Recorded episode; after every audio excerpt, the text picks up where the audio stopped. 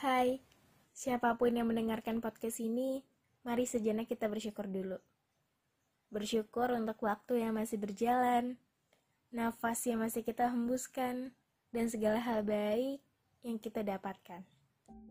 2021 merupakan tahun penuh harapan, di mana bisa kembali hidup normal tanpa batasan, dan segala pandemi segera berlalu. Namun sayangnya hingga hampir penghujung tahun, Harapannya masih belum terwujud. Tapi nggak apa-apa. Saya yakin segala sesuatu pasti ada hikmahnya. Segala musibah memang menyedihkan, tapi jangan terlarut dalam kesedihan. Kita harus buktikan kita mampu dan terus mengalahkan pandemi yang meresahkan. Banyak gak sih dari kita yang mikir, awalnya pandemi ini menghambat? Memang, tapi kalau terus-terusan mindset kita seperti itu, gimana mau melangkah ke depan dan berkembang? Sedangkan waktu terus berjalan, kawan. COVID ini memang sangat meresahkan. Karenanya, segala sesuatu harus berubah menjadi hal yang tak pernah terfikirkan. Mulai dari pola hidup, pola pertemanan, hingga pola berhubungan. Eh, tapi untungnya dia nggak berubah kan? Tuh kan, masih ada aja untungnya, namanya juga kehidupan. Jujur, awal COVID itu awal yang berat untuk saya. Di mana tadinya sudah harus menyicil masa depan. Eh, dunia seakan berubah dan saya stuck di tempat tidak bergerak. But, it's wrong. Kenapa? Karena saya salah persepsi. Iya, saya stuck.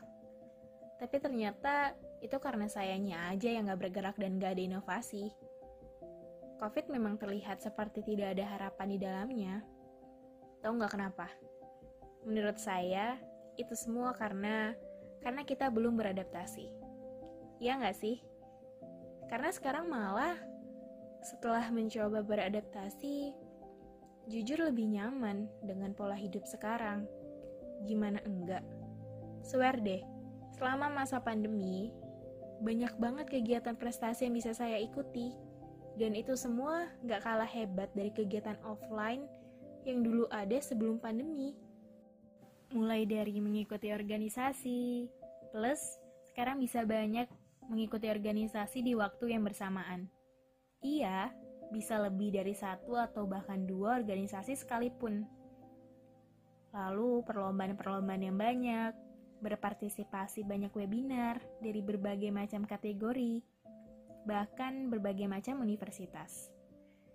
Terus juga banyak program-program bagus yang bisa saya ikuti. Ya memang awalnya pahit ya, gak ada manis-manisnya. Duduk di depan layar laptop berjam-jam saat mengikuti perkuliahan tanpa teman di samping kita. Jarang hangout bareng teman di kedai kopi. Ya gitu deh, namanya juga proses. Harus dinikmati agar setiap langkah menjadi memori indah yang akan selalu diingat hingga nanti kita mati. Ada satu hal yang dulu saya pertanyakan. Apakah saya bisa hidup di pandemi ini? Apakah saya bisa beradaptasi? Dan kini saya rasa waktu sudah menjawabnya.